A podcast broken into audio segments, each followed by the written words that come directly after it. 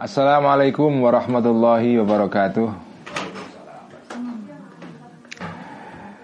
Bismillahirrahmanirrahim. Alhamdulillahirabbil alamin wassalatu wassalamu ala asyrafil anbiya'i wal mursalin sayyidina Maulana Muhammadin wa ala alihi wa ashabihi ajmain. Amma ba'd. Teman-teman semua penyimak pengajian Ihya pada malam hari ini di Indonesia dan pada siang hari ini atau pagi ini di kota Boston. Selamat berjumpa kembali dalam pengajian Ihya seri ke-95 uh, Lima seri lagi kita akan memasuki pengajian Ihya yang ke-100 kali uh, Pengajian Ihya pada hari ini agak spesial karena saya mengaji kitab Ihya disiarkan langsung dari kota Boston di negara bagian Massachusetts di Amerika Serikat tempat saya dulu belajar. Dan sekarang uh, sedang musim gugur. Hari ini atau pagi ini agak sedikit dingin uh, cuacanya dingin banget. sekitar 4 derajat ya. Cukup dingin ya tapi uh, uh, saya senang sekali bisa bisa menyelenggarakan atau melakukan ngaji ihya secara langsung dari kota Boston ini. Uh, pengajian ini berlangsung di kota Chelmsford di sebuah kota di luar kota Boston sekitar satu jam dari uh, apa dari kota Boston dan di sini saya akan meneruskan pengaji, pengajian Ihya seperti biasa. Kita akan memasuki uh, kitab Ihya pada halaman 940 dan ini meneruskan pengajian Ihya terakhir dalam Kopdar Ihya di PBNU Mbak Ines ya atau di Gresik ya. Ya, terakhir di kota Gresik dan sekarang ini di uh, kota Boston. Minggu depan kita akan ngaji Ihya kembali pada awal bulan di kantor PBNU sebagaimana biasa. Uh, mari kita mulai ngaji Ihya pada kali ini dengan mengirimkan Al-Fatihah kepada pengarang kitab ini yaitu Imam Ghazali. Bismillahirrahmanirrahim ila ruhi nabiyina wa syafiina Muhammadin sallallahu alaihi wasallam wa ila arwahil anbiya'i wal mursalin wa ila arwahil awliya'i wa syuhada'i was salihin. وإلى أرواح أموات المؤلفين والمصنفين خصوصا مؤلف هذا الكتاب حجة الإسلام أبا حامد الغزالي. قدس الله سره ونور ضريحه وعاد على بركاته ونفعنا بعلومه. وإلى أرواح أموات المسلمين والمسلمات والمؤمنين والمؤمنات خصوصا أرواح آبائنا وأجدادنا وجداتنا ومشايخنا ومشايخ مشايخنا شهود الله لهم الفاتحة. أعوذ بالله من الشيطان الرجيم. بسم الله الرحمن الرحيم. الحمد لله رب العالمين. الرحمن الرحيم. مالك يوم الدين. إياك نعبد وإياك نستعين. اهدنا الصراط المستقيم. صراط الذين أنعمت عليهم غير المغضوب عليهم ولا الضالين. آمين. بسم الله الرحمن الرحيم. Qala al-muallif rahimahullahu taala wa nafa'ana bihi wa bi 'ulumihi fid dharain. Amin. Bayanu as-sababil alladhi bihi yunalu husnul khuluqi 'alal jumlah. Halaman 940 sudah saya kirimkan teks uh, ihya pada uh, untuk ngaji kali ini beberapa jam yang lalu. Silahkan kalau ingin menyimak ngaji ihya secara langsung melalui teksnya bisa melihat akun Facebook saya diunduh kita memasuki subbab baru yaitu tentang bayanus sababil ladzi bihi yunalu husnul khuluqi alal jumlah. Jadi ini bab akan menerangkan tentang bagaimana seseorang bisa melatih diri untuk mendapatkan untuk meraih akhlak yang baik, menanamkan akhlak yang baik ke dalam dirinya. Jadi kita pada bagian yang lalu sudah berbicara tentang apa itu akhlak, bagaimana sejatinya itu akhlak dan seperti seperti sudah saya terangkan beberapa kali dan sudah saya tulis di dalam tulisan panjang di akun Facebook saya ya. Salah satu inti dari teori akhlak menurut Imam Ghazali adalah ya tidak atau situasi tengah-tengah, situasi keseimbangan. Jadi yang disebut dengan akhlak adalah kemampuan kita untuk menyeimbangkan eh, antara dua titik ekstrim, ekstrim kanan dan ekstrim kiri di dalam menguasai dua kekuatan dasar dalam diri manusia, yaitu al-ghadab, kekuatan atau daya marah, dan kedua adalah asyahwa atau daya uh, syahwat atau daya uh, keinginan. Jadi kalau kita bisa menguasai dua daya ini atau yang bisa disebut dengan vital force ya, daya hidup yang ada pada semua manusia. Nah kalau kita bisa menguasai dua daya ini sehingga tidak terjatuh kepada dua titik ekstrim kanan maupun kiri atau dalam bahasa Al-Ghazali disebut dengan al al-ifrat wa tafrid kalau kita bisa menguasai dua daya ini maka kita bisa meraih situasi keseimbangan.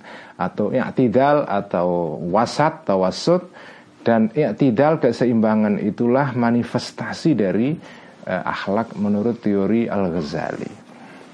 Nah sekarang kita berbicara tentang bagian berikutnya yaitu tentang bagaimana akhlak yang baik ini bisa ditanamkan secara pelan-pelan melalui training, melalui latihan, melalui riadoh dalam bahasa Al-Ghazali ke dalam psyche atau jiwa manusia. Bagaimana kita meraih itu?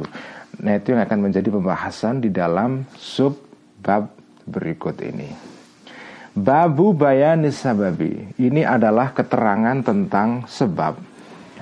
Alladzi bihi yang dengan sebab itu Yunalu bisa diraih Husnul khuluki akhlak yang baik Alal jumlati secara keseluruhan. Ini adalah bab tentang sebab-sebab ya eh, Dasar-dasar, alasan-alasan yang bisa uh, Membantu orang meraih akhlak yang baik Qad arafta anna husnal khuluki yarji'u ila atidali kuwatil aqli wa kamalil hikmati. Qad arafta sudah mengetahui engkau wahai pembaca kitab Ihya atau wahai santri yang mengikuti pengajian Ihya kalian semua ini ya.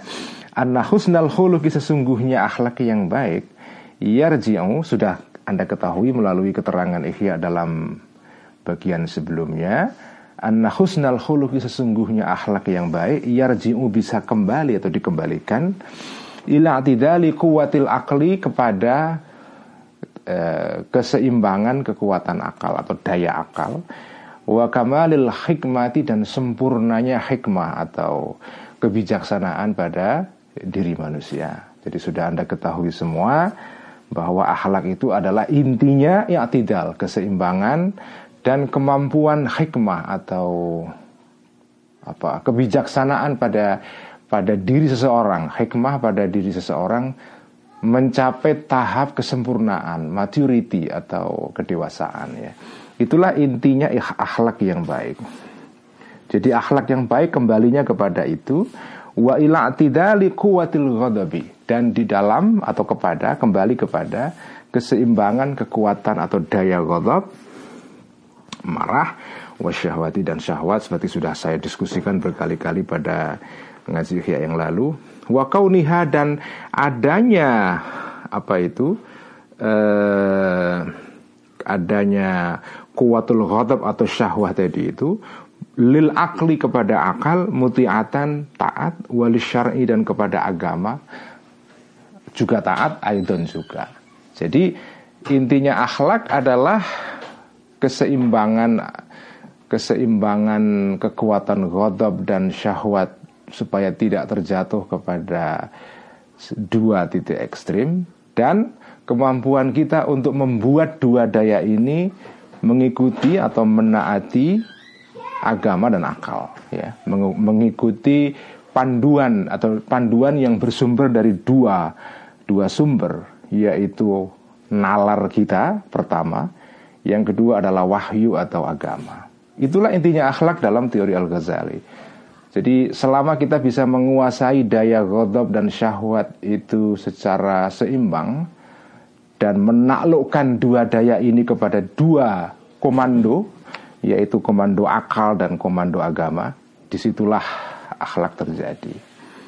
Nah, Wahadal i'tidalu dan keseimbangan ini Yaksulu bisa terjadi ala wajah ini menurut uh, dua cara Jadi bagaimana keseimbangan ini bisa terjadi supaya kita tidak terjatuh pada dua titik ekstrim itu.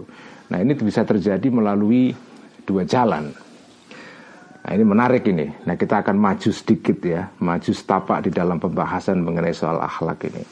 Ahaduhuma salah satu atau yang pertama dari dua cara itu uh, bijau bijudin ilahiyin, bijudin ilahiyin melalui bijudin melalui kemurahan ilahiyin yang bersifat ketuhanan. Ya wa kamalin dan kesempurnaan fitriyin yang bersifat fitrah. Jadi kita bisa meraih keseimbangan di dalam dua kekuatan tadi itu ghadab dan syahwat itu karena dua hal ya. Pertama karena ada divine providence apa uh, kemurahan Tuhan, kemurahan ilahiyah, kemurahan Allah Subhanahu wa taala. Dan kedua karena fitrah kita ya uh, predisposisi moral atau dalam diri manusia itu ada sesuatu yang bersifat fitrah, bawaan ya. Nah, bawaan ini bawaan yang sempurna, yang yang bagus. Jadi memang memang tabiat atau atau fitrah orang bersangkutan itu fitrah yang normal, bukan yang abnormal tapi yang normal. Nah, kalau orang punya dua ini, punya anugerah ilahi dan fitrah yang yang benar, yang normal, maka orang itu most likely uh, secara umum kemungkinan besar dia bisa mencapai situasi keseimbangan itu. Kalau fitrahnya normal, dibantu dengan uh, pertolongan Tuhan, ya, maka dia bisa mencapai al-i'tidal di dalam dua kekuatan tadi itu. Nah, yang disebut dengan kesempurnaan fitrah itu apa? bihaitsu yukhlaku sekiranya diciptakan al insanu seorang manusia wayuladu dan dilahirkan manusia ini kamilal akli dalam keadaan jumlah, eh, hal ini ya dalam keadaan itu hal kamilal akli dalam keadaan sempurna akalnya maksudnya common sense-nya akal sehatnya itu bekerja secara normal jadi orang ini lahir diciptakan oleh Allah jebret ke dunia itu kamilal akal. Common sense-nya itu jalan itu. Hasan al khalqi dalam keadaan huluknya atau akhlaknya baik. Sehingga kot kufia ya, kot kufia dicukupi uh, orang tersebut sultana syahwati atau di dicukupi dalam pengertian di uh, bisa dilindungi atau ya dilindungi sultan al akli dari kekuasaan sultan syahwati dari kekuasaan syahwat wal ghadabi dan ghadab. Jadi orang yang yang fitrahnya itu sempurna, matang, itu orang yang ketika lahir ya, itu sudah dalam keadaan ya punya bakat, punya kekuatan berupa akalnya itu sempurna dalam pengertian. Sempurna di, di sini bukan dalam pengertian IQ-nya itu di atas 100 atau dia termasuk jenis. Bukan itu ya. Di, yang disebut dengan akal sempurna di sini artinya orang yang waras akalnya. Itu artinya bukan orang yang IQ-nya itu jenius sekali bukan karena kita di sini bukan bicara mengenai soal intelligence atau kecerdasan tetapi kita bicara di sini soal emosi ya ya mungkin kalau kalau boleh menggunakan kata atau istilah emotional intelligence atau kecerdasan emosional. Nah, di situ yang kita bicarakan.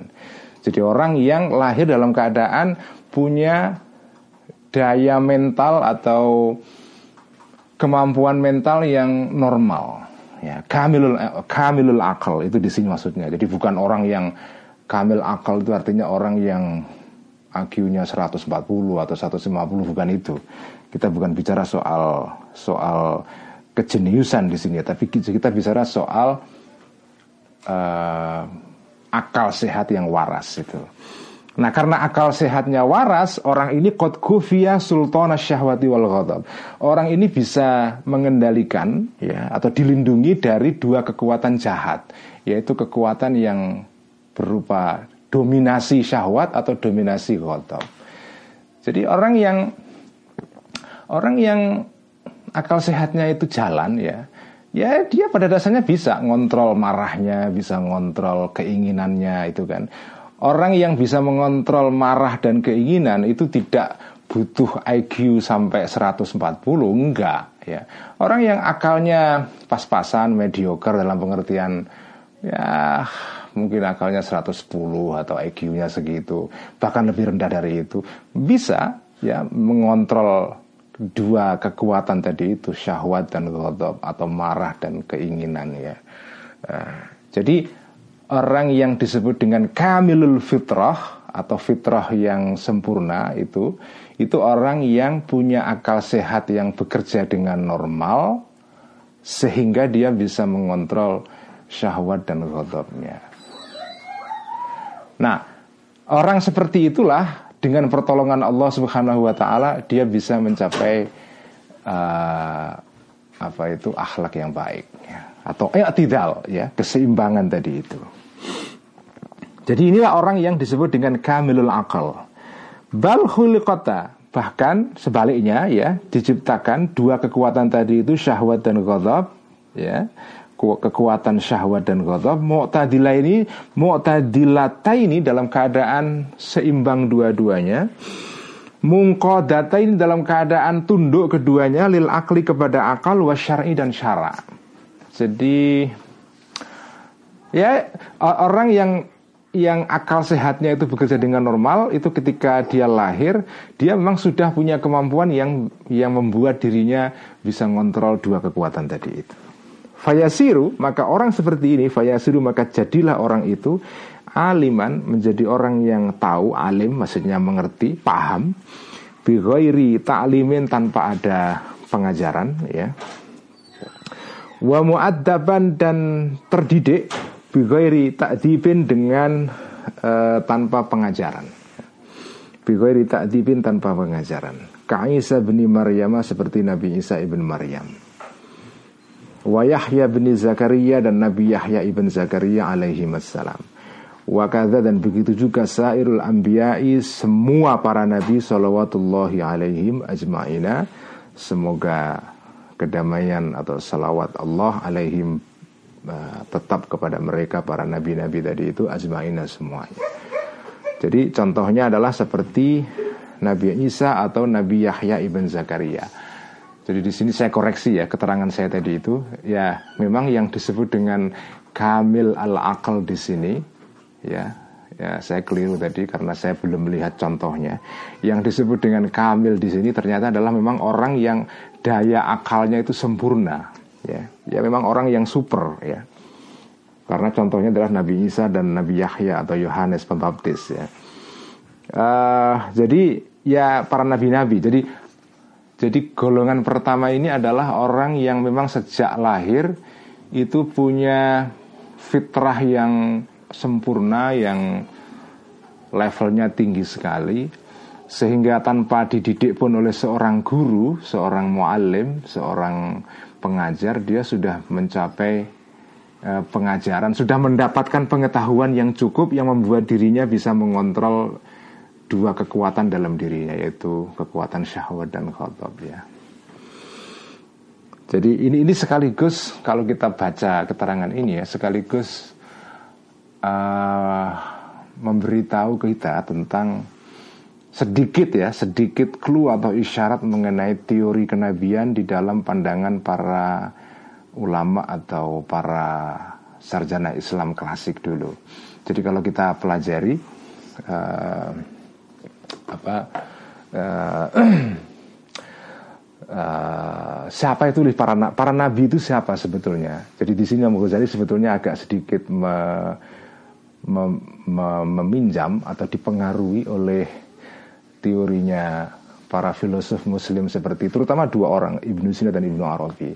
Jadi menurut Ibnu Sina dan Ibnu Arabi sorry Ibnu eh, Ibnu Sina dan Al Farabi bukan Ibnu Arabi ya Al Farabi dua filosof besar muslim ini yang hidup sebelum Al Ghazali yang Al Ghazali banyak belajar dari mereka mereka mengatakan bahwa yang disebut dengan para nabi itu adalah orang-orang yang di dalam dirinya ada dua aspek yaitu orang yang punya kesempurnaan fitrah dalam dirinya, kesempurnaan kesempurnaan fitrah bawaan ya.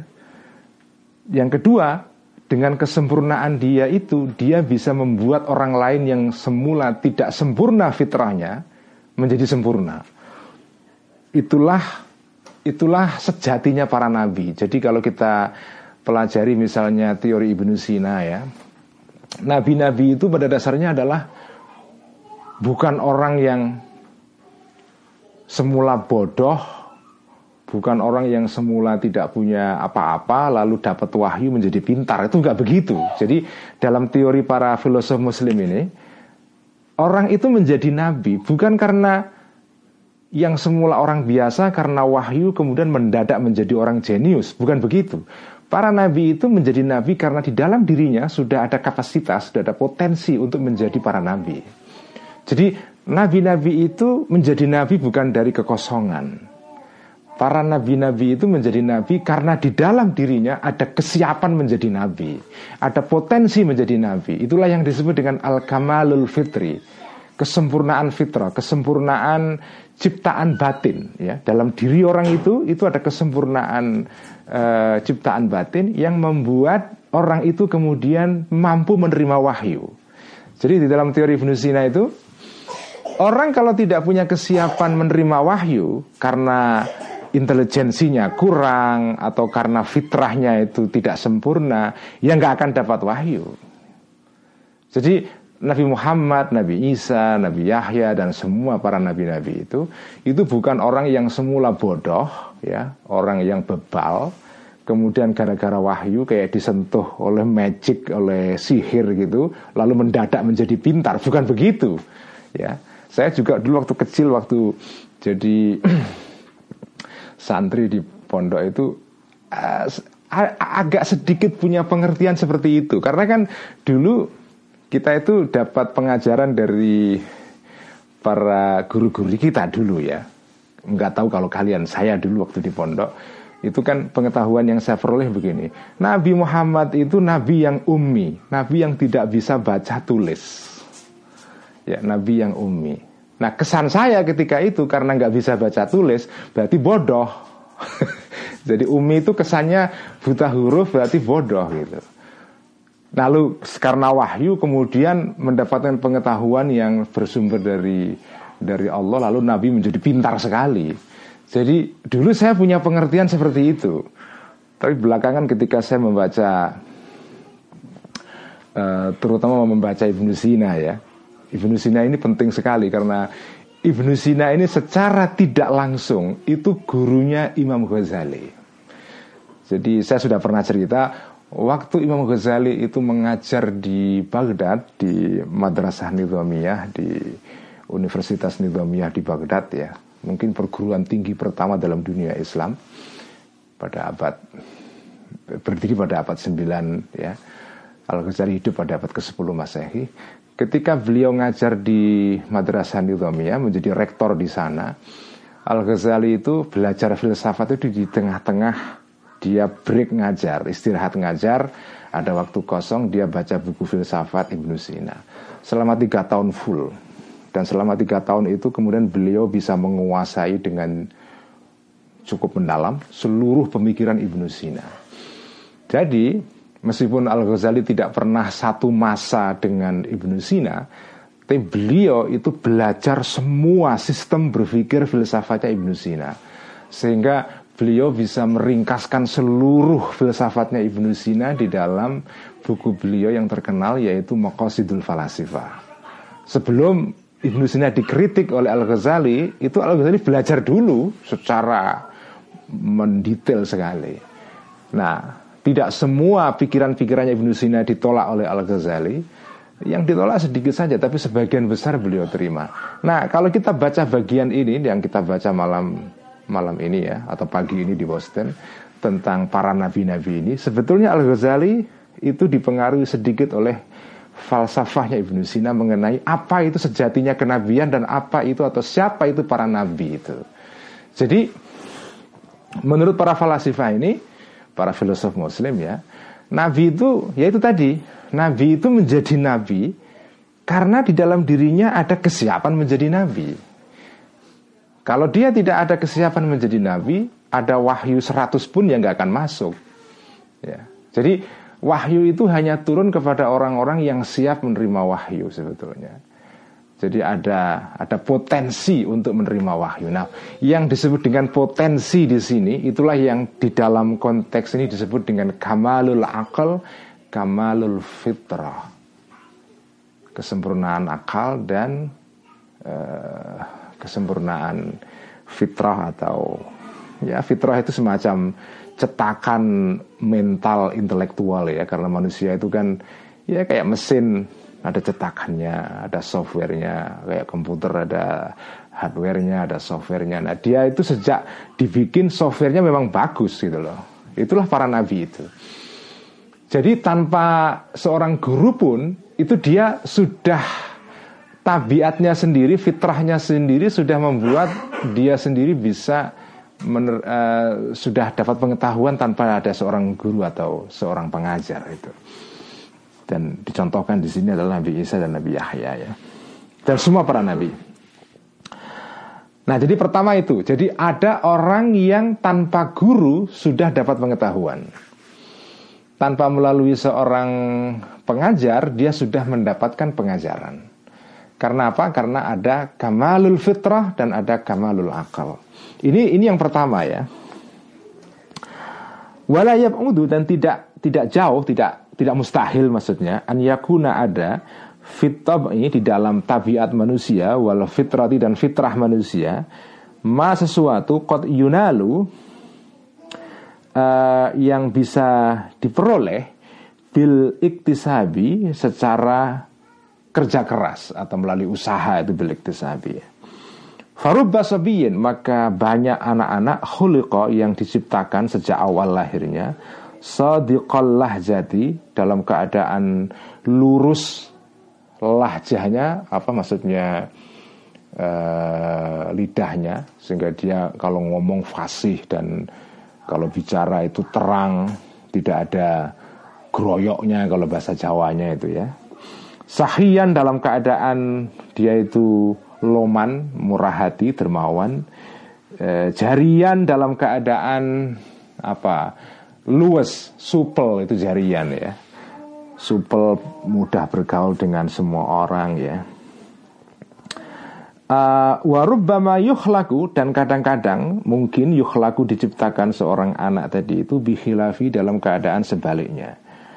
Fayahsulu maka terjadi zalika uh, semua yang disebut tadi itu yaitu uh, apa lidah yang yang yang sodik, yang mudah ngomong ya dan sifat kedermawanan, sifat supel semua tadi itu eh, terjadi fi di dalam di dalam sobi anak tadi itu bil tiadi dengan jalan dibiasakan atau kebiasaan wa mukhalatatil mutahallikina dan bercampur dengan orang-orang yang berakhlak bihadil akhlaki dengan akhlak-akhlak ini wa rubbama yahsul dan keada dalam keadaan dan kadang-kadang terjadi semua tadi itu bita'alumi dengan jalan pengajaran itu. Jadi intinya begini. Ada orang yang jadi manusia itu berjenjang-jenjang ya. Ini ini kalau kita bicara seperti ini ini sebetulnya kalau Anda pernah belajar filsafatnya Ibnu Sina, ini persis di sini. Makanya saya katakan Al Ghazali itu salah satu gurunya, guru in absentia, ya, guru yang tidak hadir langsung karena Al Ghazali tidak ketemu langsung dengan Ibnu Sina, tapi belajar kepada beliau. Jadi guru in absensianya Al Ghazali itu sebetulnya adalah salah satunya Ibnu Sina. Nah dalam teori Ibnu Sina dan para filosof-filosof yang lain Manusia itu dibagi berjenjang-jenjang Ada hierarkinya ada orang, tadi itu yang pertama, yang dilahirkan dalam keadaan fitrah dan cetakan batinnya itu sempurna sekali.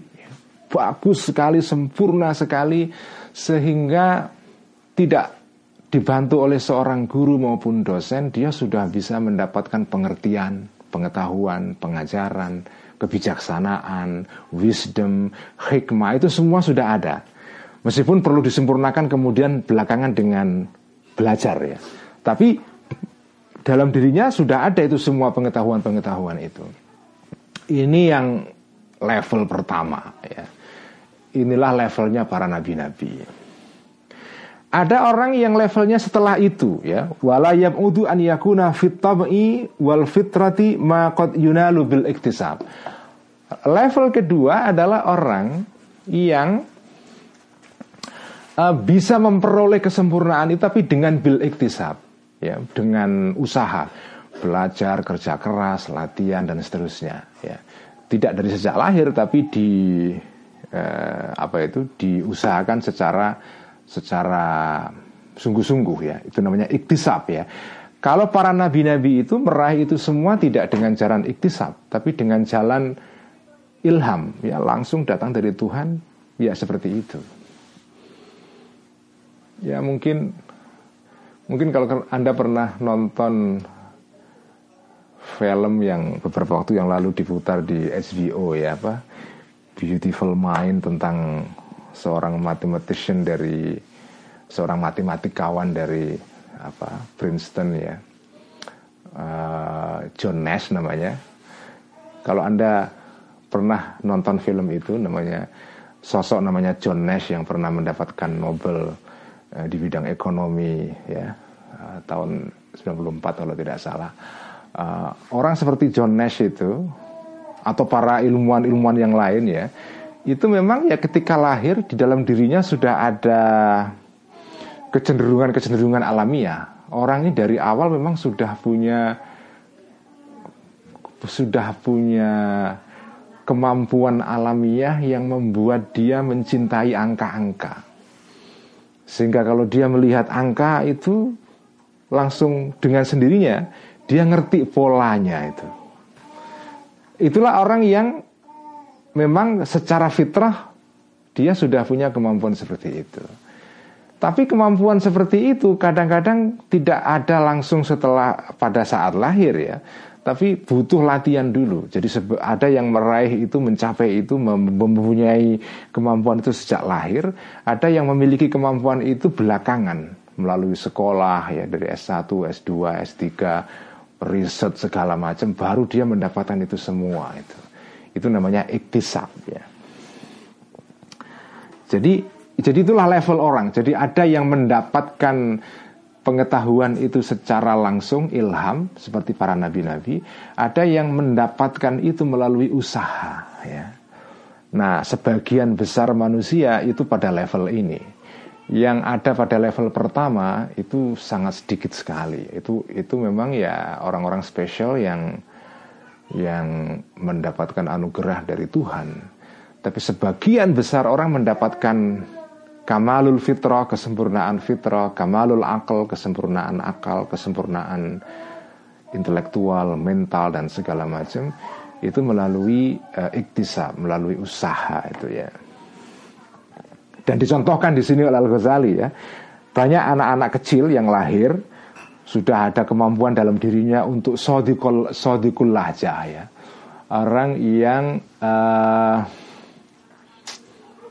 apa ya punya kemampuan orasi untuk ngomong ya. Bagus sekali. Dermawan supel jarian ya. Ada yang lahir yukhlaku bihilafi tidak punya itu semua tapi kemudian melalui pelajaran, melalui latihan, training di sekolah, di kampus, di universitas, kemudian dia mendapatkan itu semua ya. Jadi jadi itulah uh, apa jenis-jenis manusia dari sudut kemampuan mental, intelektual dan spiritualnya ya. Ada orang yang sejak lahir memang sudah sempurna, itulah para nabi-nabi. Dan ini sekali lagi mengkoreksi mungkin kesalahpahaman sebagian orang ya bahwa nabi-nabi itu orang biasa, kemudian gara-gara wahyu menjadi luar biasa. Enggak begitu. Kalau menurut para filosof muslim, nabi-nabi itu sejak lahir itu sudah luar biasa. Ya, sejak lahir itu sudah ekstraordiner. Bukan orang yang ordiner begitu dapat wahyu lalu menjadi ekstraordiner enggak ya. Jadi sejak lahir memang dia sudah ekstraordiner. Karena dia ekstraordiner maka uh, mempunyai potensi kemampuan untuk menerima sesuatu yang ekstraordiner yang luar biasa yaitu wahyu itu. Inilah jalan pertama ya. Jalan pertama orang mendapatkan kemampuan untuk menyeimbangkan antara eh, tadi itu eh, dua titik ekstrim di dalam kekuatan ghadab dan syahwat, yaitu adanya pertolongan Tuhan, divine uh, providence, anugerah ilahi, dan fitrah yang sempurna. Nah, fitrah yang sempurna ini ada fitrah yang sempurna sejak lahir, ada fitrah yang sempurna tapi kan melalui belajar, ya, melalui belajar. Itulah yang pertama. Nah, sekarang jalan kedua, wal waju dan jalan athani yang kedua, iktisabu hadhil akhlaki uh, memperoleh akhlak-akhlak ini semua ya. Uh, bil mujahadati dengan jalan kerja keras ya. Mujahadah usaha keras waryadati dan latihan wa dan maksud aku al Ghazali maksudnya bihi dengan dengan wajah asani ini atau iktisab iktisabu hadil akhlak bil mujahadah tadi itu hamlan nafsi mendorong jiwa manusia alal a'mali kepada tindakan-tindakan allati yaqtadi yang menuntut ha kepada al a'mal tadi itu al khuluku akhlak al matlubu eh, yang dituju yang di yang yang yang dicita-citakan yang dicari ya jadi cara yang kedua ini sebetulnya cara yang agak mirip kepada cara pertama bagian yang kedua. Jadi tadi kan keterangan yang sudah kita baca tadi. Jadi orang itu meraih kemampuan ya tidak kemampuan menyimbangkan antara dua titik ekstrim di dalam kekuatan marah dan syahwat. Itu pertama kan tadi itu pertolongan Tuhan plus fitrah yang sempurna fitrah yang sempurna ini ada yang sempurna secara alamiah sejak lahir, ada yang sempurnanya melalui sedikit usaha ya.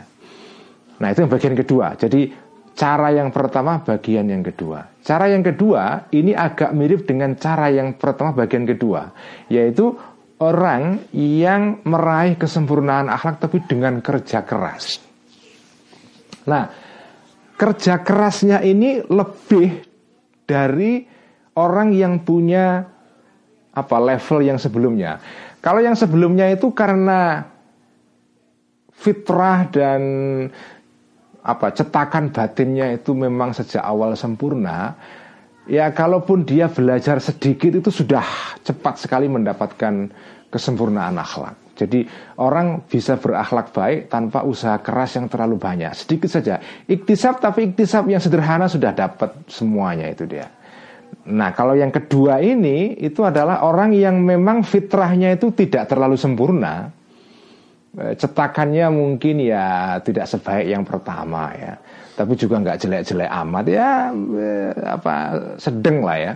Nah, tapi karena cetakannya sedang, bawaan akhlak uh, fitrahnya itu tidak sesempurna orang yang pertama, dia membutuhkan mujahadah, kerja keras. Jadi bukan sekedar iktisab ya, mujahadah ya kerja keras dan riadoh latihan yang konsisten yang terus menerus untuk mendapatkan akhlak yang baik itu.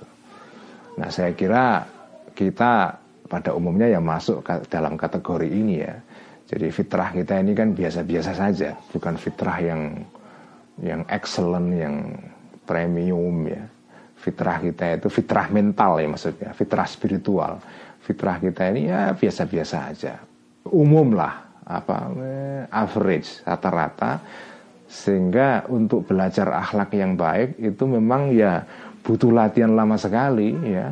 Latihannya mulai dari S1 4 tahun, S2 2 tahun, S3 4 tahun. Jadi panjang banget. Setelah itu masih ada latihan lagi. Jadi latihannya hampir long life seumur hidup ya. Itulah yang disebut dengan mujahadah Itulah jenis kedua. Jadi jadi di sini butuh hamlun nafsi ya, mendorong jiwa ini, mendorong dengan usaha yang keras sekali untuk melakukan tindakan-tindakan alal amal allati yaqtadiha al khuluqul matlub ya. Mendorong jiwa kita melakukan tindakan-tindakan yang dituntut oleh akhlak yang baik itu. Misalnya mendorong kita untuk usaha keras bisa menjadi orang yang apa itu dermawan, bersikap baik, tidak mengganggu orang lain. Itu semua butuh latihan yang keras sekali. Itulah itulah jenis kedua ini. Uh, nah, dicontohkan oleh Al Ghazali, faman arada, faman maka barang siapa arada yang menghendaki, masalan umpamanya an uh, yuhassila bisa dibaca an yuhassila atau an yahsula, dua-duanya boleh.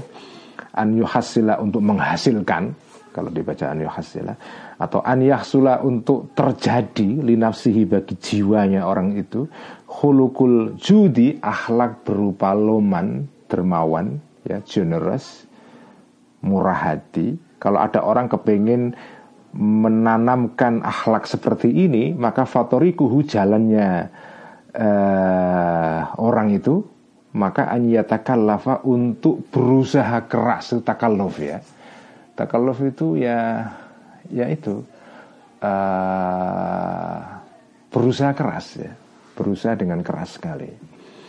Ta'atiyah fi'lil jawadi memperoleh atau melakukan tindakan orang yang dermawan.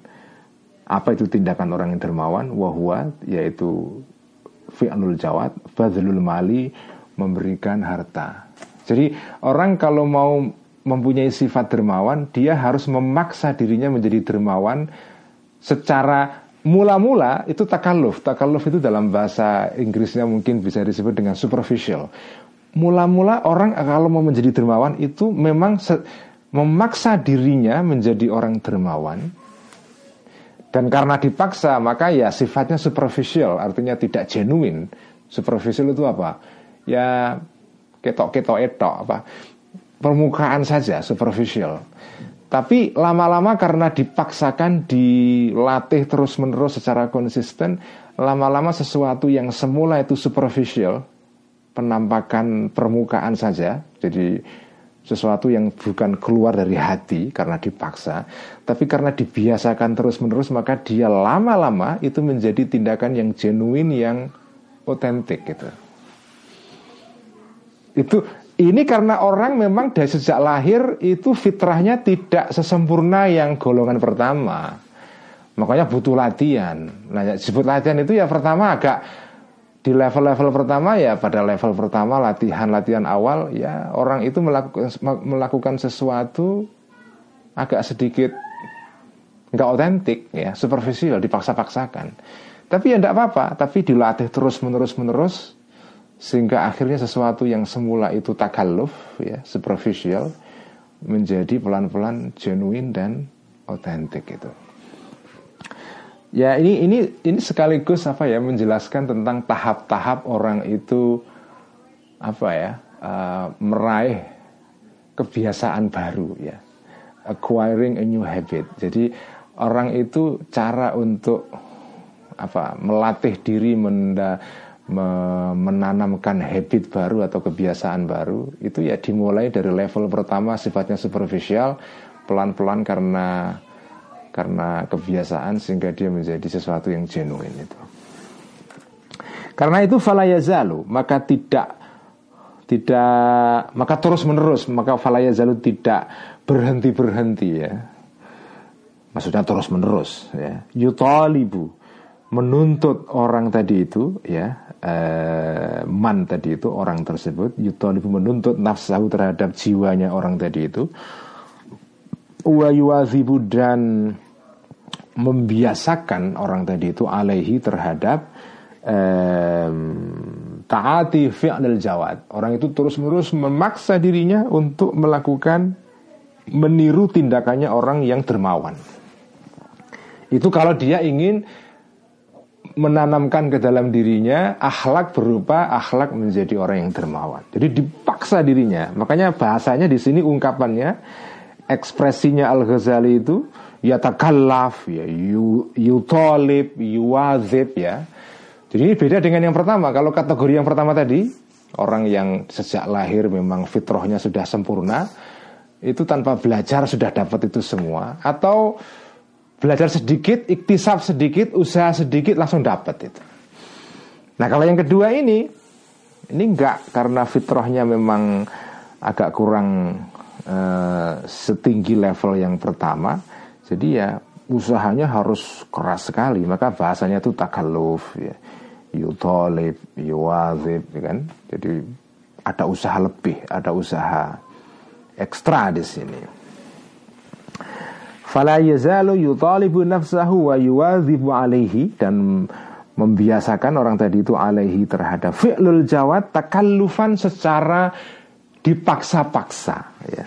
Mujahidan dalam keadaan melawan memerangi nafsahu terhadap nafsunya orang tersebut fihi di dalam fi'lul jawad hatta yasira sehingga menjadi tadi itu fi'lul jawad tindakannya orang yang dermawan tadi itu zalika yang tersebut tadi itu top'an menjadi tabiat lahu bagi orang tersebut ya. Wayata yassara dan menjadi mudah tadi itu tindakan orang dermawan tadi itu fi'lul jawad alaihi kepada orang tersebut fayasiro maka jadilah orang tadi itu bihi dengan takalluf tadi itu bekerja keras jawadan menjadi orang yang dermawan. Jadi jadi jadi memang ini usahanya keras banget itu. Jadi di sini bukan belajar biasa seperti orang yang masuk dalam kategori pertama tadi itu belajarnya sedikit langsung dapat sendiri ya. Dan yang kedua ini enggak eh, kerja keras ya, konsisten. Dan biasanya saudara-saudara karena sebagian besar orang manusia pada umumnya itu masuk kategori kedua ini. Kadang-kadang orang yang pada kategori kedua ini lebih sukses daripada orang yang pertama. Kalau kita baca apa ya beberapa survei tentang apa itu psikologi perkembangan manusia itu ada orang-orang yang punya intelijensi tinggi tapi karena dia malas itu justru prestasi dia itu disalib atau diungguli oleh orang-orang yang intelijensinya itu sederhana. Di sini maksudnya sederhana itu adalah fitrahnya itu tidak sesempurna orang pada kategori yang sebelumnya yang pertama, tapi karena dia takalluf kerja keras, muwadzabah, konsisten ya. Um, mujahadah kerja keras. Jadi bahasanya itu takalluf mujahadah muadzafah kerja keras kerja secara secara konsisten dan kontinu akhirnya dia bisa meraih sesuatu yang tidak bisa diraih oleh orang yang punya kemampuan intelijensi yang sempurna sejak lahir itu. Makanya saya bilang makanya dalam di kalangan para ahli sufi atau ahli tasawuf itu dikenal uh, ucapan atau unen-unen dalam bahasa Jawa itu ya. Al istiqamah khairun min alfi karamah. Ya. Konsistensi mengerjakan sesuatu secara terus-menerus itu lebih baik daripada keramat para wali. Maksudnya kekeramatan, kehebatan orang itu nilainya, nilainya itu masih kalah dengan kemampuan orang untuk konsisten melakukan sesuatu walaupun kecil tapi secara kontinu. Karena kadang-kadang orang itu mencapai keramat, mencapai ya kalau bahasa para wali keramat, tapi dalam bahasa umum keramat itu artinya ya apa prestasi yang hebat itu maksudnya keramat ya. Keramat itu sebagian besar justru diperoleh melalui istiqomah, melalui kerja keras yang konsisten ini.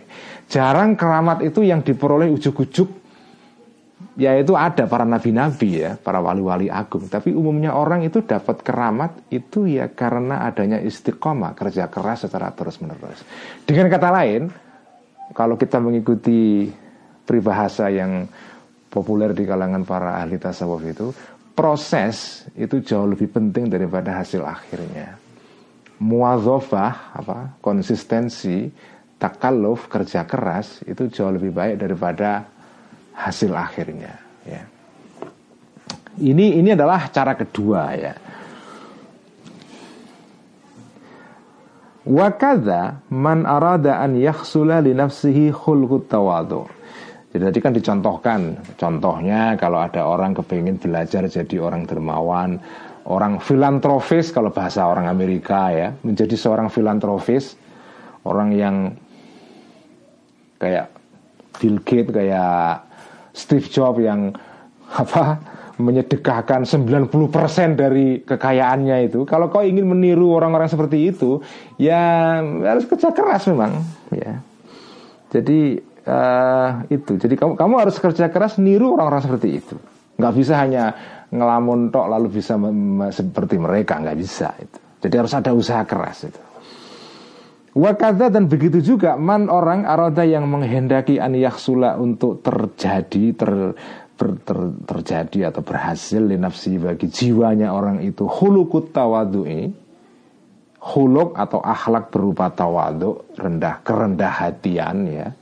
Humility ya kerendah hatian. Kalau ada orang kepingin menjadi orang yang humble orang yang punya sifat rendah hati humility ya Uh, sementara wakot ghalaba dalam keadaan jumlah halia wakot ghalaba dalam keadaan dominan alaihi pada orang itu al baru sifat sombong arogansi.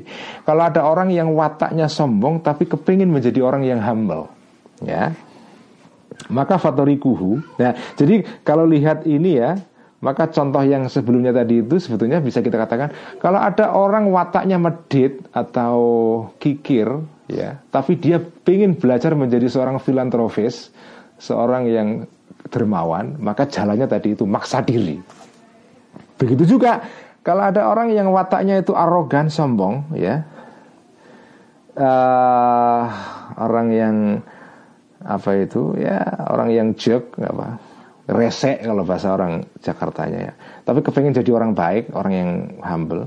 Maka fatarikuhu maka jalannya orang tadi itu an yuwaziba adalah untuk konsisten ya ala af'alil mutawaziina untuk menjalankan tindakan-tindakan orang yang uh, humble, orang yang yang rendah hati muddatan dalam waktu madidatan yang panjang. Jadi dia harus harus secara konsisten lama sekali belajar untuk uh, apa?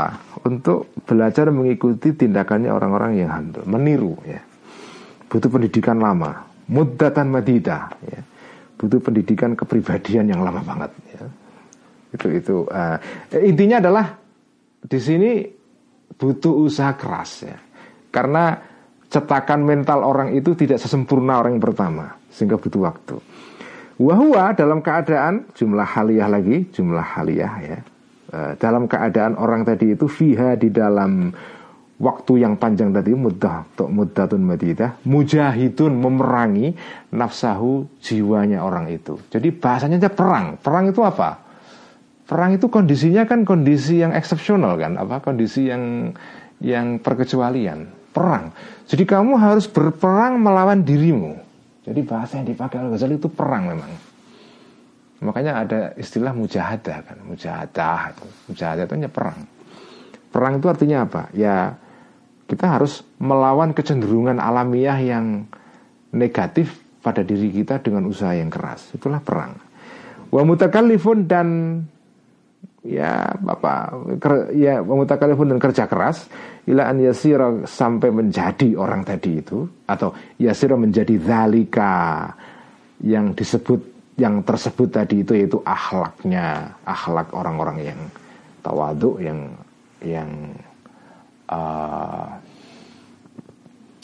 yang rendah hati ya.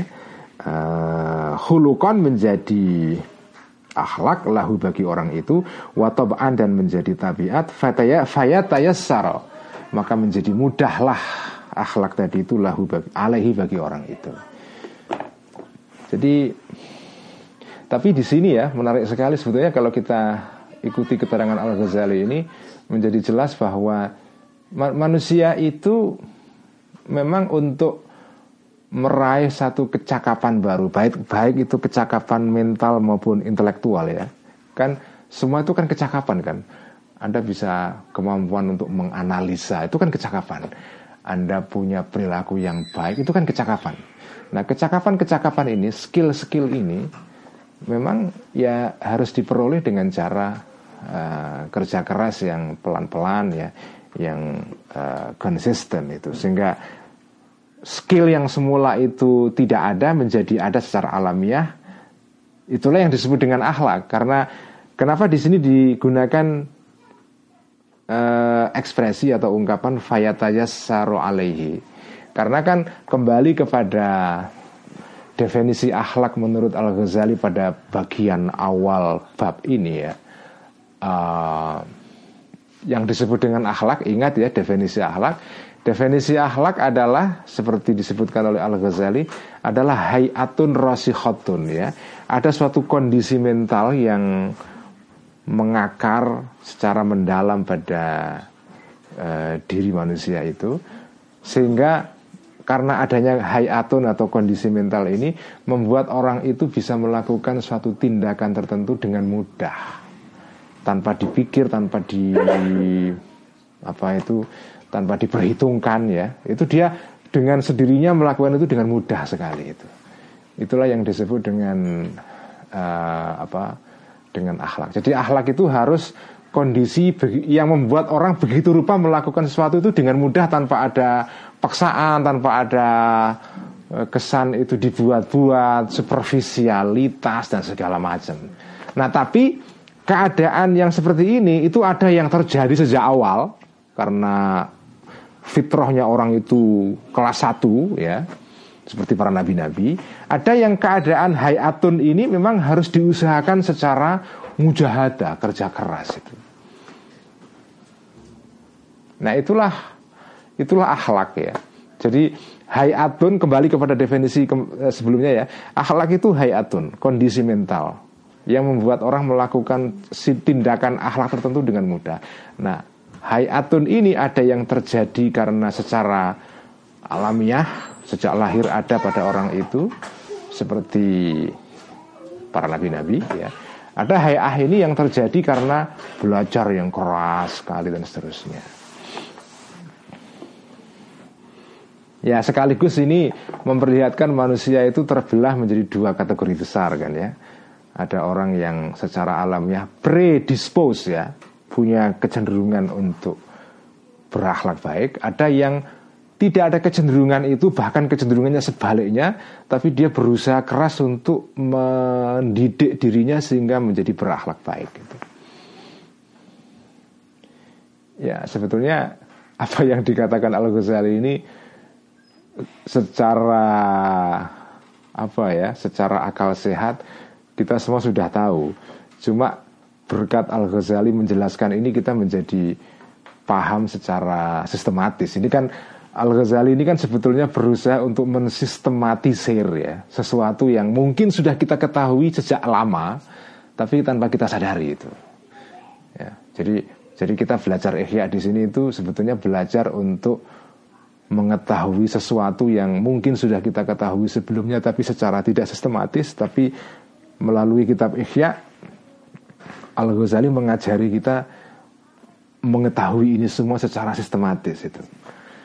Jangan nanti dibilang apa sih ini yang dibilang kitab Ihya ini kok ya ini kan biasa.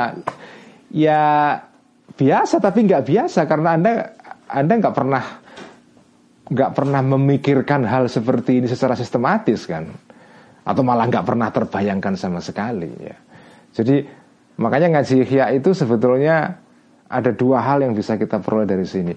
Yang pertama adalah belajar mempertajam apa ya mempertajam uh, intuisi spiritual kita ya.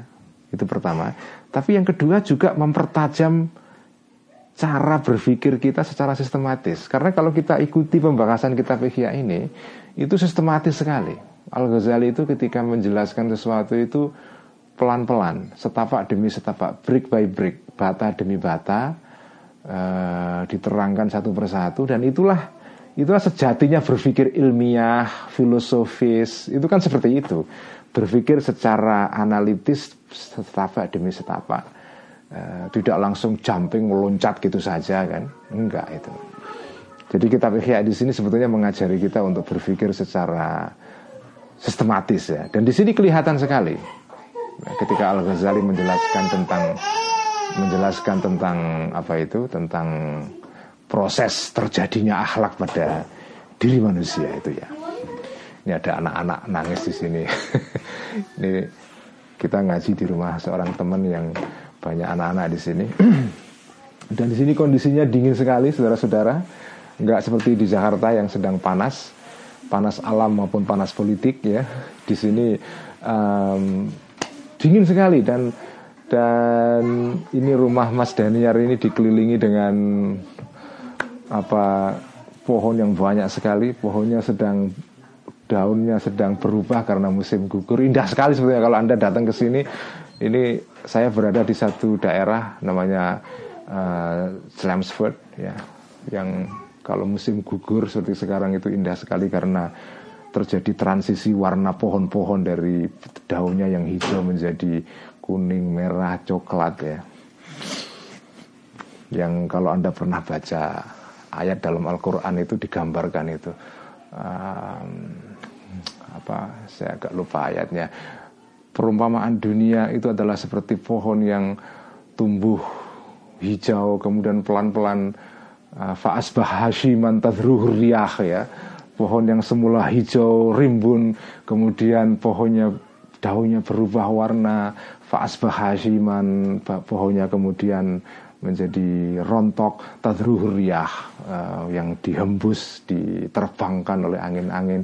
Nah itu kalau anda berada di daerah subtropik seperti di Boston ini, anda akan melihat contoh real dari ayat itu. Ya, uh, ini selingan saja. Mana tadi itu? Wajamiul akhlaki. Nah, ya. Ini kesimpulannya wajamiul akhlaki dan semua akhlak al-mahmudati yang dipuji syar'an menurut agama taksulu terjadi bihadat toriki dengan jalan ini. Semua akhlak itu terjadi dengan cara seperti ini. Wahayatu dan tujuannya uh, dan tujuannya uh, apa?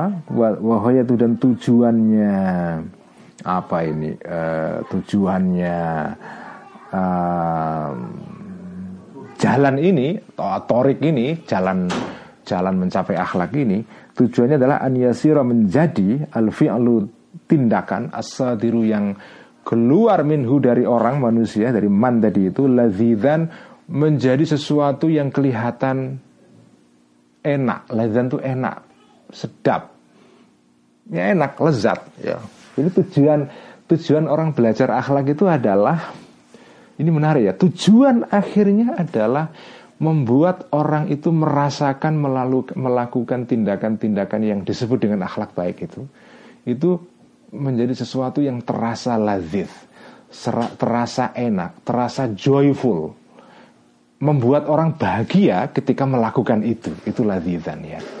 Bukan bukan orang melakukan tindakan dengan cara terpaksa. Karena kalau terpaksa itu menimbulkan kondisi yang tidak nyaman inconvenience. Tapi begitu orang sudah merasa bahagia melakukan apa? Tadi itu tindakan-tindakan itu misalnya dermawan, uh, semua tindakan akhlak yang baik, menjadi dermawan, menjadi orang yang mudah menolong orang lain, menjadi pemberani, menjadi uh, orang yang berlaku baik kepada orang lain dan seterusnya. Semua tindakan-tindakan itu kemudian terasa menjadi satu yang kalau dilakukan orang tersebut itu membuat dia bahagia. Ya, rasanya membuat orang itu merasa nyaman ya, merasa enak, merasa bahagia dengan dengan dirinya itu. Itu tujuan akhirnya. Fasahiyu maka orang yang uh, orang yang uh, dermawan ya Definisi orang dermawan atau orang yang dermawan huwa adalah alladzi orang yastalidzu yang menganggap enak, menganggap nyaman badlal mali tindakan memberikan harta ya. Alladzi yabzulu yang memberikan orang tadi itu hu kepada harta tadi itu dunalladzi bukan orang ya yabzulu yang menyedekahkan, memberikan orang tadi itu hu kepada harta tadi itu, harta tadi angkarohatin secara terpaksa. Ya. Itulah definisi orang yang betul-betul disebut orang yang dermawan. Orang yang akhlaknya dermawan adalah orang yang melakukan tindakan kedermawanan dan menganggap atau merasakan tindakan itu sebagai sesuatu yang membuat dia nyaman. Yastalidhu. Tapi kalau orang yang dermawan tapi sambil dongkol, sambil memberikan hartanya sambil eh, apa itu ya, sambil jengkel gitu kan. Kalau saya diberikan pilihan, saya gak, mestinya saya nggak nggak akan memberikan harta ini. Nah, orang kalau yang seperti itu itu belum berakhlak dermawan sebetulnya. Orang itu bisa disebut berakhlak dermawan kalau sudah mencapai tahap seperti itu, yaitu mendapatkan kebahagiaan ketika dia membantu orang lain. Tapi kalau membantu orang lain dalam keadaan dongkol terpaksa, itu dia baru belajar berakhlak menjadi orang dermawan. Tapi belum menjadi orang dermawan. Ya, baru, baru belajar. Tapi kalau sudah merasakan kenyamanan dalam bertindak sebagai seorang dermawan, maka itulah di, bisa disebut sebagai orang yang dermawan. Wal mutawadhi'u dan orang yang disebut dengan orang yang akhlaknya mutawadhi atau uh, apa rendah hati, huwa adalah alladhi orang yastalidhu yang merasakan kenikmatan atau wadu'a terhadap tindakan tawadhu kerendah hatian. Walantar saho jadi sama juga orang yang disebut dengan orang yang rendah hati adalah orang yang ketika melakukan tindakan rendah hati itu merasakan kenyamanan di situ bukan keterpaksaan itu lah. Itu namanya yang orang yang disebut dengan uh, al-mutawadhi itu. Walan tarsaho dan tidak akan menjadi rusuh, menjadi tertanam secara mendalam itu tarsaho ya al akhlaku akhlak akhlak ad itu yang bersifat keagamaan. Semua akhlak agama itu tidak bisa tertanam dengan mendalam fin nafsi di dalam jiwa manusia malam awat ketika selama belum menjadi kebiasaan atau belum membiasakan ya an nafsu jiwa manusia jami al adati semua kebiasaan-kebiasaan al hasanata ya eh, al hasanati yang bersifat bagus ya Wa malam tatruk. Dan selama belum meninggalkan nafsu tadi itu jami al afali segala tindakan-tindakan asayyati yang buruk yang jelek ya. Wa malam tuazib dan selama belum membiasakan secara konsisten itu tuazib ya alaihi kepada uh, jamiul afal tadi itu ya baik al hasanah maupun as-sayyi'ah muazobataman sebagaimana konsistensinya orang yastaku yang merasa merasa cinta. Kalau bahasa pondoknya itu bronto. Bronto itu cinta yang mendalam sekali itu bronto. Yastaku yang bronto yang cinta.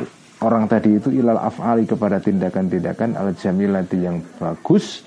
Wayatana amu dan merasa nikmat biha dengan al afal al jamilah tadi itu wayakrahu dan membenci orang tadi itu al afala kepada tindakan-tindakan al kobi al hata yang jelek wayata'allamu dan merasa sakit biha dengan al afal al qabihah tadi itu. Jadi orang itu tidak bisa disebut sebagai orang yang uh, monggo monggo salam. Ada teman yang mau pulang dulu. Uh, jadi orang itu tidak bisa disebut sebagai orang yang berakhlak yang baik, berakhlak dengan akhlak-akhlak agama yang tentu banyak sekali eh, jenis-jenisnya ya. Belum bisa orang itu disebut dengan orang yang berakhlak baik sebelum dia tadi itu orang sebelum orang itu membiasakan diri kepada akhlak itu sehingga orang itu mencapai satu kondisi di mana orang itu selalu kepingin melakukan tindakan-tindakan baik ini sehingga ketika melakukan tindakan baik ini dia mendapatkan rasa nyaman ya tanaam ya merasakan kebahagiaan ya feeling good about him or herself ya. Dia merasa nyaman bahagia kalau dia melakukan tindakan itu dan merasa nggak nyaman ya merasa banyak roh dan dia merasa benci dengan tindakan-tindakan terhadap tindakan-tindakan yang jelek itu. Dengan kata lain, saudara-saudara, orang yang mempunyai akhlak yang baik adalah orang yang memang punya satu sifat dalam dirinya yang membuat orang itu senang berbuat baik dan tidak suka merasa nggak nyaman kalau berbuat sesuatu yang tidak baik itu. Kalau Anda belum sampai ke kondisi mental seperti itu, Anda belum bisa disebut sebagai orang yang berakhlak itu. Jadi akhlak itu pada dasarnya intinya adalah kondisi mental. Karena kondisi mental bukan tindakan ya, karena tindakan itu bisa menipu. Oh, ada orang yang melakukan tindakan baik banyak sekali. Tapi belum tentu tindakan baik yang dia lakukan itu tindakan yang dilakukan oleh orang itu dengan rasa nyaman. Jadi rosso, akhlak itu rosso. Nah ini ini kalau kembali kepada filosofi Jawa ya, akhlak itu rosso. Ketika kau mengerjakan sesuatu itu rosso kamu gimana? Rosso kamu nyaman atau tidak nyaman? Kalau rosso kamu itu nyaman berbuat baik, nah akhlak kamu baik. Ketika rasa kamu ketika melakukan tindakan jelek itu benci, nah kamu berarti sudah punya akhlak yang baik. Tapi kalau rasa yang kamu rasakan dalam diri kamu ini, kamu itu justru tidak nyaman berbuat sesuatu yang baik, tapi nyamannya berbuat sesuatu yang jahat. Nah itu berarti kamu akhlaknya memang akhlaknya jelek gitu. Jadi jadi akhlak itu adalah soal rasa soal kondisi mental, soal perasaan batin. Ya. Ya ini bisa dimaklumi karena pembahasan kitab Ihya ini kan pembahasan dalam konteks ilmu tasawuf ya, ilmu ilmu batin. Karena itu kondisi batin itu menjadi penting sekali. Jadi jadi, jadi rasa penting sekali. Jadi rasa kamu di mana? Rasa kamu enak nggak berbuat baik Rasa kamu itu enak nggak ketika membantu orang lain Rasa kamu enak nggak ketika membantu orang yang terkena korban tsunami di Palu misalnya Atau rasa kamu itu nggak enak ya terpaksa Atau rasa kamu wah daripada saya disebut orang yang medit atau orang yang kikir ya di depan orang banyak supaya saya kelihatan. Nah, supaya rasa kamu itu rasa supaya kelihatan. Nah itu berarti akhlaknya belum belum sempurna itu.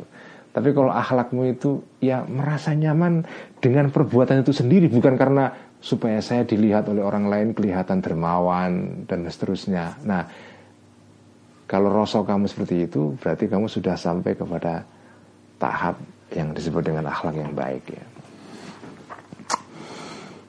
Nah, ini di sini dikutipkan sebuah hadis ya yang mendukung keterangan Al Ghazali ini kama qala sebagaimana bersabda kanjeng Nabi Muhammad sallallahu alaihi wasallam wa ju'ilat qurratu aini fis salati. Wa ju'ilat dan dijadikan qurratu aini kenyamanan mataku. Maksudnya mata batin di sini bukan mata mata lahir ini ya. Wa ju'ilat dan dijadikan qurratu aini kenyamanan mata batinku fis dalam salat. Jadi kanjeng Nabi itu merasa begitu salat itu merasa nyaman, merasa peaceful, merasa damai, merasa enak. Nah kalau kamu sudah merasakan itu, nah kamu berarti ahlaknya di situ. Gitu. Tapi kalau sholat hanya demi demi demi image sosial atau demi supaya kamu dianggap bagian dari komunitas itu berarti kamu belum sampai kepada tahap ini belum sampai pada tahap wajulat qurratu aini fis salah ya. Jadi kalau sholat kamu itu demi uh, image sosial itu berarti bukan wajulat qurratu aini fis salah tapi wajulat qurratu aini fi image sosial. Kalau kamu sholat supaya kamu supaya dianggap bagian dari komunitas supaya nggak terasing supaya nggak merasa ter uh, teralienasi ya, supaya ya kalau nggak ikut bareng-bareng sholat kan nanti nggak dianggap sebagai bagian dari kelompok. Nah berarti wajulat kurratu ini bukan fis sholat tapi di dalam yaitu di dalam uh, komunitas. Ya. Jadi jadi di sini sholat ini di sini sholat ini ya simbol dari tindakan ya. Kamu itu tindakan itu menimbulkan kurrotul ain tidak? Nah itu itulah akhlak Tindakan yang kau lakukan itu bisa menerbitkan Menimbulkan kurrotul ain Atau kenyamanan batin atau tidak. Kalau tindakan itu menimbulkan kenyamanan batin itu ah, Berarti kamu di situ akhlaknya itu. Itulah arti hadis ini ya. Waju'ilat kurrotu aini Ingat-ingat ya Ini ini hadis ini sering kita dengar Tapi mungkin kita belum mendapatkan atau belum uh, mengetahui maknanya secara mendalam ya. Tapi melalui keterangan dalam kitab Ihya ini kita jadi paham Maksudnya itu wajulat qurratul ain fi adalah qurratul ain di sini kenyamanan mata batin. Rasa kamu itu ketika sholat itu nyaman nggak? Kalau kamu merasa nyaman, nah berarti kamu sudah di situ akhlaknya. Jadi kamu sudah mencapai tahap sholat yang memang kau bisa merasakan kebahagiaan di situ. Itulah akhlak itu. Tapi kalau sholat itu tidak menerbitkan kurratul ain, tidak menimbulkan kebahagiaan, tapi sebaliknya malah apa ini sholat lagi, sholat lagi. Nah itu berarti kamu ya sholatnya belum masuk ke dalam rosok itu. Jadi ini rosok ya, sholat kamu itu sudah masuk ke rosok belum? Akhlak yang kamu tindakan yang kamu lakukan itu sudah masuk rosso belum? Nah kalau sudah masuk rosso itu akhlak. Kalau belum ya kalau belum berarti ada dua kemungkinan. Kamu masih belajar atau kamu memang ya ya memang bukan di situ, bukan di situ rasa kamu ya. Kamu memang ya apa? Kamu sedang bermanis-manis saja di depan masyarakat sebetulnya. Jadi jadi itu Qurratul Ain itu kalau kita bahasakan dengan filsafat Jawa itu roso ya. Ketika kamu sholat, roso kamu gimana? Rosonya itu bahagia atau tidak? Nah itu berarti akhlak Ketika kamu puasa, rosonya gimana? Ketika kamu haji, rosonya gimana? Ketika kamu membantu orang yang kesusahan, rosonya gimana? Ya. Rosonya apakah karena bahagia atau karena kamu supaya kelihatan menjadi orang yang tampak sebagai orang yang filantropis, generous karena orang lain generous kamu kalau nggak ikut nggak dianggap keren misalnya. Nah itu bukan rasa yang benar. Rasa yang benar ya seperti yang digambarkan dalam kitab Ihya ini. Wahmah makanat dan dan kapan pun ada ya wahmah makanat dan kapan dan dan apa ya dan kapan pun ada al ibadah tu ibadah ibadah watarakul mahdzurati dan meninggalkan larangan-larangan. Ma'a karohatin ya. E, beserta apa e, rasa benci rasa terpaksa ya. Wastithqalin dan rasa berat ya. Jadi kalau ada orang beribadah meninggalkan larangan-larangan Eh, dengan perasaan terpaksa, perasaan berat ya. Ma'akar hadin khobarnya kana ya. Adalah bersama rasa berat wasit kolin dan rasa enggan fahuwa jawabnya mahma fahuwa maka orang fahuwa maka tadi itu keadaan tadi itu anuksonu adalah keadaan kurang. Berarti orang itu belum sampai ke tahap akhlak ya wala yunalu dan tidak bisa diraih kamalus saadati kesempurnaan bahagia kebahagiaan bihi dengan kekurangan tadi itu. Kalau kamu belum sampai kepada tahap rosso, maka kamu tidak akan sampai kepada tahap kebahagiaan. Jadi intinya adalah orang itu ya harus belajar bagaimana merasakan meraih rasa bahagia karena ibadah, karena meninggalkan larangan Allah, karena Uh, melakukan akhlak yang baik. Jadi kalau belum ada rosonya, kalau kamu melakukan sesuatu belum dengan feeling, ya, belum dengan rosso, itu belum akhlak itu. Ini menarik ya teori Al Ghazali ini menarik loh ya. Ini agak agak mirip dengan filsafat Jawa ini. Nggak tahu apakah Jawa yang minjam, minjam Al Ghazali atau sebaliknya. Ya, jadi rosso itu penting sekali. Ya, kalau kamu belum sampai ke rosso, itu belum akhlak di situ. Kalau sekedar hanya tindakan fisik saja, ya, itu belum dianggap akhlak itu, ya. Tapi kalau sudah rasa, nah itu akhlak itu. Naam, ya betul. Ini kayak naam ini adalah sirat atau ungkapan yang tujuannya adalah lil istidrak ya untuk uh, ungkapan untuk uh, apa uh, memberikan kualifikasi atau apa kualifikasi itu? Ya memberikan uh, beberapa syarat atau perkecualian terhadap statement yang sebelumnya ya. Jadi naam ya betul bahwa semua tadi seperti itu. Cuma al muadzafatu ya bersifat atau berusaha konsisten alaiha terhadap uh, ibadat tadi itu dan tarkul mahzurat ya. Konsisten melakukan ibadah dan meninggalkan larangan-larangan. Bil mujahadati dengan cara kerja keras. Khairun itu itu bagus ya. Uh, apa?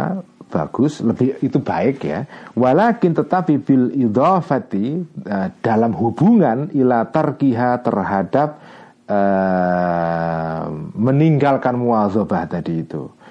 La bil idhafati bukan terhadap uh, di, bukan terhadap atau di dihubungkan ila fi'liha terhadap melakukan muazabah tadi itu antauin secara to secara alamiah secara toin secara apa ya secara alamiah tidak paksaan namanya toin ya. Jadi maksudnya begini ya memang betul ya tadi itu um, yang disebut dengan akhlak itu kalau kamu sudah sampai ke rosol tadi itu tapi kalau kau misalnya melakukan tindakan-tindakan baik kayak sholat, kayak akhlak yang baik, puasa segala macam, dengan kerja keras ya, dengan dipaksakan. Ya, kadang-kadang ada unsur eh, terpaksa ya, belum sampai ke rosso ya. Tet, jadi gini, walaupun akhlak itu pada ujungnya adalah rosso, tapi kalaupun kamu belum sampai ke rosso, tapi baru sampai menjalankan akhlak ibadah, meninggalkan larangan dengan dipaksa-paksa, itu juga bagus, tetap bagus ya. Bukan berarti kok kalau kamu melakukan salat belum sampai rasa itu jelek, enggak. Tetap bagus, tapi bagus dibanding kamu enggak sholat sama sekali. Maksudnya begitu. Jadi dibanding tidak sholat sama sekali ya mending sholat walaupun terpaksa. Dibanding eh, kamu tidak berakhlak sama sekali ya lebih baik berakhlak walaupun berakhlaknya itu agak sedikit superficial atau dibuat-buat ya. Ya, tapi jadi kalau dibandingkan dengan tidak sama sekali, ya lebih baik kamu melakukan itu semua walaupun terpaksa, walaupun tidak sampai ke rosso. Tapi kalau dibandingkan dengan melakukan itu semua dengan rosso, antoin, ya tentu lebih rendah kualitasnya. Itu maksudnya yang dikatakan oleh Al-Ghazali ini. Jadi ya amal itu atau akhlak itu bertingkat-tingkat ya. Paling tinggi adalah melakukan tindakan baik atau meninggalkan larangan dengan rosso. Di bawahnya melakukan itu semua tapi dengan dipaksa-paksa. Yang paling rendah kamu tidak melakukan itu sama sekali. Ya. Uh, walidzalika dan karena itulah qala berfirman Allah taala wa inna halakabiratun illa alal khasyin. Wa inna dan sesungguhnya salat ya lakabirat ini kembali kepada salat ya. Wa inna sesungguhnya salat atau sembahyang atau taat kepada Allah secara umum ya lagabiratun itu sungguh berat illa alal khasyiina kecuali kepada orang yang sampai kepada rosso khusyuk di sini artinya orang yang rosonya sudah sampai ke tahap yang yang sempurna yang tinggi ya. Khusyuk itu artinya rosso ya. Jadi salat itu memang berat bagi orang yang belum sampai merasakan salat itu nikmat. Belum sampai kepada al khasyin yaitu kondisi rosso itu. Kondisi berupa hayatun rosihotun ya. Kondisi mental yang secara apa mendalam tertanam pada orang itu. Ya kalau sholat itu belum sampai ke khusyuk ya memang kita melakukannya ya sekedar hanya tadi kalau bahasa fikirnya sekedar untuk menggugurkan kewajiban ya. Jadi untuk apa itu? Untuk uh, menggugurkan al-udah apa kewajiban agama ya. Atau hormati waktu untuk menghormati waktu salat saja. Itu kalau kamu belum sampai kepada rasul ya tapi walaupun ini tadi Al Ghazali kan menegaskan walaupun kamu belum sampai ke rasa ke, ke ya ya tetap saja kamu usahalah jangan untuk berarti ah, saya tidak sampai kepada tingkat rasa gitu ya udahlah nggak salat nggak usah salat sama sekali. Itu nggak nggak nggak bisa begitu ya. Karena tindakan baik itu kan nggak bisa ujuk-ujuk sampai kepada level yang sempurna kan ya harus step by step kan gradual bertahap. Wa innaha lakabiratun illa lal khasyin. Waqala dan bersabda kanji Nabi Sallallahu Alaihi Wasallam U'budillaha fir ridha fa illam tastati fa fis sabri ala ma takrahu khairun kathirun Fa fis sabri ala ma takrahu khairun kathirun Ini hadis riwayat atau diriwayatkan oleh Imam At-Tabarani At-Tabarani U'bud sembahlah Allah Tuhan atau Allah fir ridho dalam keadaan ridho. Maksudnya sembahlah Allah dalam kondisi kamu itu sudah mampu mencapai tingkat rasa. Itu yang paling ideal, ya. yang paling ideal sampai ke situ, sampai rasa.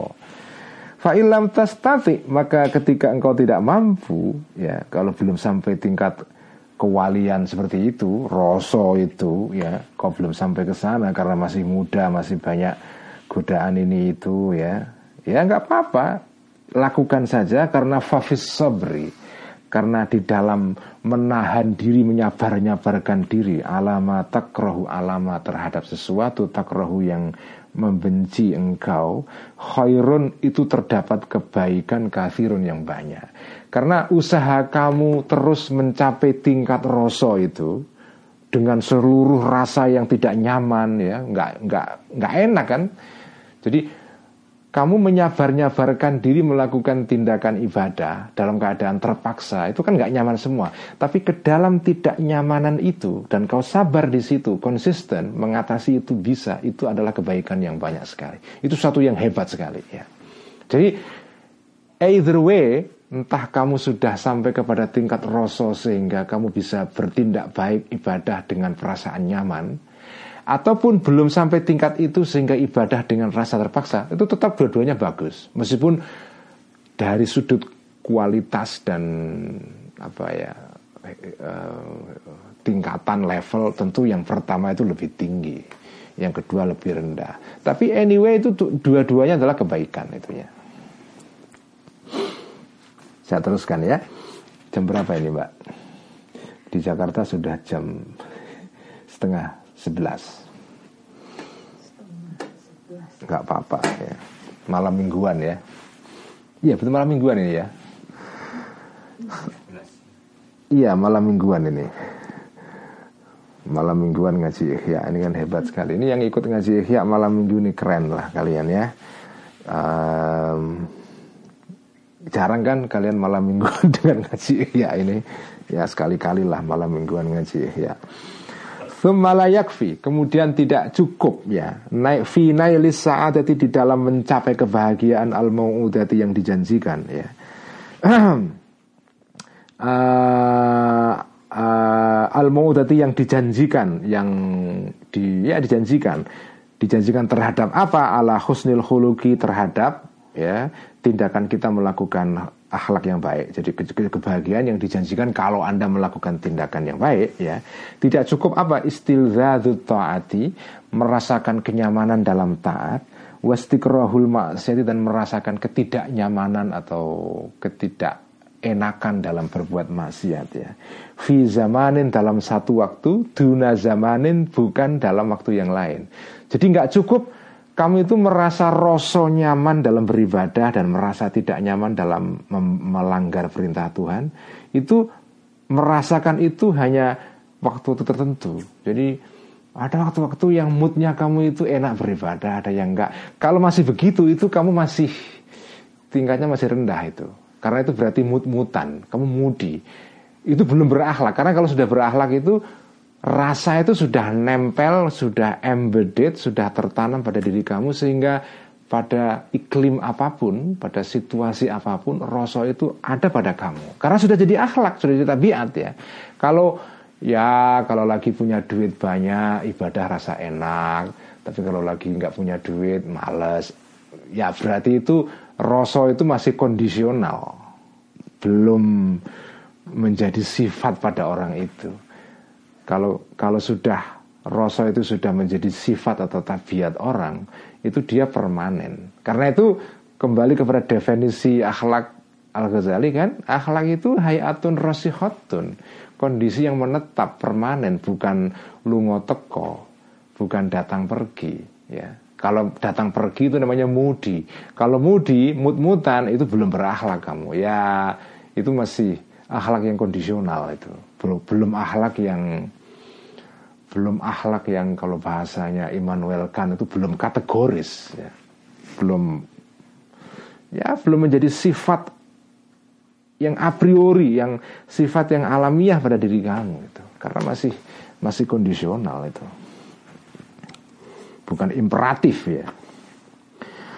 Jadi nggak cukup merasa begitu fi zamanin duna zamanin. Kamu merasa nyaman beribadah pada satu waktu, pada waktu yang lain tidak, itu namanya fi zamanin duna zamanin. Nah, terus bagaimana? Falyam bagi bahkan sebaiknya an yakuna ada zalika perasaan tadi itu istilzah dan istiqrah alat dawami secara terus menerus wafi jumlatil umuri atau wafi jumlatil umri di dalam sebagian besar umur kamu. Jadi mayoritas hidup kamu kamu merasakan itu, bukan hanya sebagian kecil saja itu. Wa kullama kan kapan pun ada ya al umru umur manusia atwala lebih panjang kanat maka adalah al fadilatu uh, ke keutamaan tadi itu arsaha menjadi lebih dalam wa akmalal dan lebih sempurna. Jadi kalau orang-orang orang itu umurnya panjang, dia punya kesempatan untuk lebih membuat keutamaan akhlak itu menjadi lebih tertanam lebih dalam dalam dirinya. Karena kan akhlak itu butuh latihan panjang. Kalau umur kamu panjang, kamu punya kesempatan. Ya, punya kesempatan untuk membuat itu lebih dalam pengaruhnya. Walidzalika dan ketika karena itulah lama suila ketika ditanya kanjeng Nabi Shallallahu Alaihi Wasallam Anis saatati mengenai kebahagiaan Apa itu kebahagiaan kanjeng Nabi Fakola maka berkatalah kanjeng Nabi Yang disebut kebahagiaan adalah Tulul umur Panjangnya umur Tapi fi ta'atillahi ta'ala Di dalam ketaatan kepada Allah ta'ala Kebahagiaan adalah Kau punya umur panjang tapi umur panjang untuk kebaikan. Itu the greatest happiness in life menurut kajian Nabi ya. The greatest happiness in life if you live long and you obey God ya. Ketika kau hidup panjang dalam keadaan kamu mencapai rasa bahagia ketika bertaat atau menaati Allah Subhanahu wa taala. Itulah kebahagiaan menurut kanji Nabi ya bukan kebahagiaan menurut uh, siapa itu penyanyi dari Surabaya itu Mbak Inas yang nyanyi ke, kebahagiaan itu siapa namanya uh, bekas krunya Dewa 19 itu yang dari Surabaya itu loh Ari Lasso kan pernah nyanyi itu apa kebahagiaan itu itu kan bukan itu tapi ini kebahagiaan menurut kanjeng Nabi itu ya. Jadi kebahagiaan itu adalah happiness is to live long and to do good thing. Ya. To live long while doing good thing. Ya. Jadi hidup panjang tapi untuk melakukan kegiatan dan tindakan yang baik dengan rasa yang enak, dengan rasa yang nyaman, yang enak itu. Itulah kebahagiaan itu. Ya, inilah inilah definisi kebahagiaan menurut kanjeng Nabi ya. Walidzalika karena itulah kariha benci, nggak suka al anbiya para nabi-nabi, wal dan para wali-wali, al mauta mati. Jadi para nabi-nabi dan wali-wali itu sama dengan kita, nggak seneng, nggak suka meninggal itu, ya. Cuma alasannya lain, kalau kita nggak suka mati cepat-cepat karena kita masih kepengen terus menikmati dunia ya. Jadi sama eh, nabi-nabi dan para wali itu juga kepengen hidup panjang nggak suka meninggal cepat-cepat sama dengan kita kita juga. Cuma yang beda adalah alasannya. Kalau alasan kita kita kan supaya kita bisa menikmati nonton film lebih lama nonton eh, Liga Inggris lebih banyak nonton Liga Spanyol lebih lama. Itu kalau kita kita tapi kalau para nabi-nabi itu alasannya fa'inna dunia. Karena sesungguhnya dunia mazra'atul akhirati adalah tempat menanam kebaikan bagi kehidupan di akhirat nanti. Karena dunia ini kesempatan berbuat baik itu aja. Bukan karena kita ingin menikmati dunia wa kullama kanat. Dan selama ada al ibadah itu ibadah aksara lebih banyak karena bitulil umuri karena panjangnya umur. Karena maka adalah asawabu ganjaran balasan itu ya atas tindakan baik tadi itu ajzala lebih banyak. Wan nafsu dan ada jiwa kita azka lebih murni wa athar dan lebih suci wal ahlaku dan ahlak akwa lebih kuat wa arsahu dan lebih tertanam dalam ya. Jadi itu kalau umur kita panjang kesempatan kita berbuat baik membuat akhlak itu lebih tertanam dalam dalam diri kita itu lebih banyak. Karena wa innama maksudul ibadah ini penting ini poin yang harus digarisbawahi ini. Wa innama maksudul ibadati dan sesungguhnya maksudnya ibadah-ibadah yang diperintahkan agama ini ya semua itu bukan hanya untuk sholat demi sholat puasa demi puasa dan seterusnya. Tapi maksudnya adalah takfiruha pengaruhnya ibadah tadi itu fil kolbi di dalam kalbu dalam jiwa dalam hati. Karena ini kan bab tentang kita bu ajaibil kalbi kitab tentang keajaiban-keajaiban kalbu manusia. Jadi tujuan ibadah itu rosok takfiruha fil qalb pengaruh dalam hati. Jadi ibadah itu adalah tujuan akhirnya untuk membuat kita mencapai rasa nyaman tadi itu. Nyaman kalau beribadah Wa inna ma yata'akkadu dan sesungguhnya menjadi kuat taksiruha pengaruh ibadah tadi itu kepada hati kita bikasratil muwadzabati dengan banyaknya apa konsistensi alal ibadati kepada ibadah-ibadah. Sekian ngaji ikhlas, ngaji ikhlas udah lama ini ya dan di sini sudah dingin sekali. Uh, Mbak Admin sudah menggigil karena ini musim yang sudah mendekati musim dingin. Tapi terima kasih kepada teman-teman yang sabar mengikuti ngaji ikhya malam ini walaupun malam minggu ya. Uh, semoga ngaji ikhya pada malam hari ini atau siang hari ini membawa barokah manfaat kepada kita semua. Sampai ketemu lagi nanti ngaji ikhya pada awal bulan November tanggal 1 di PBNU tanggal 1 jam 8 malam. Sekian, terima kasih. Kita tutup dengan bacaan alhamdulillah alhamdulillahirabbil alamin. Assalamualaikum warahmatullahi wabarakatuh. Waalaikumsalam warahmatullahi wabarakatuh.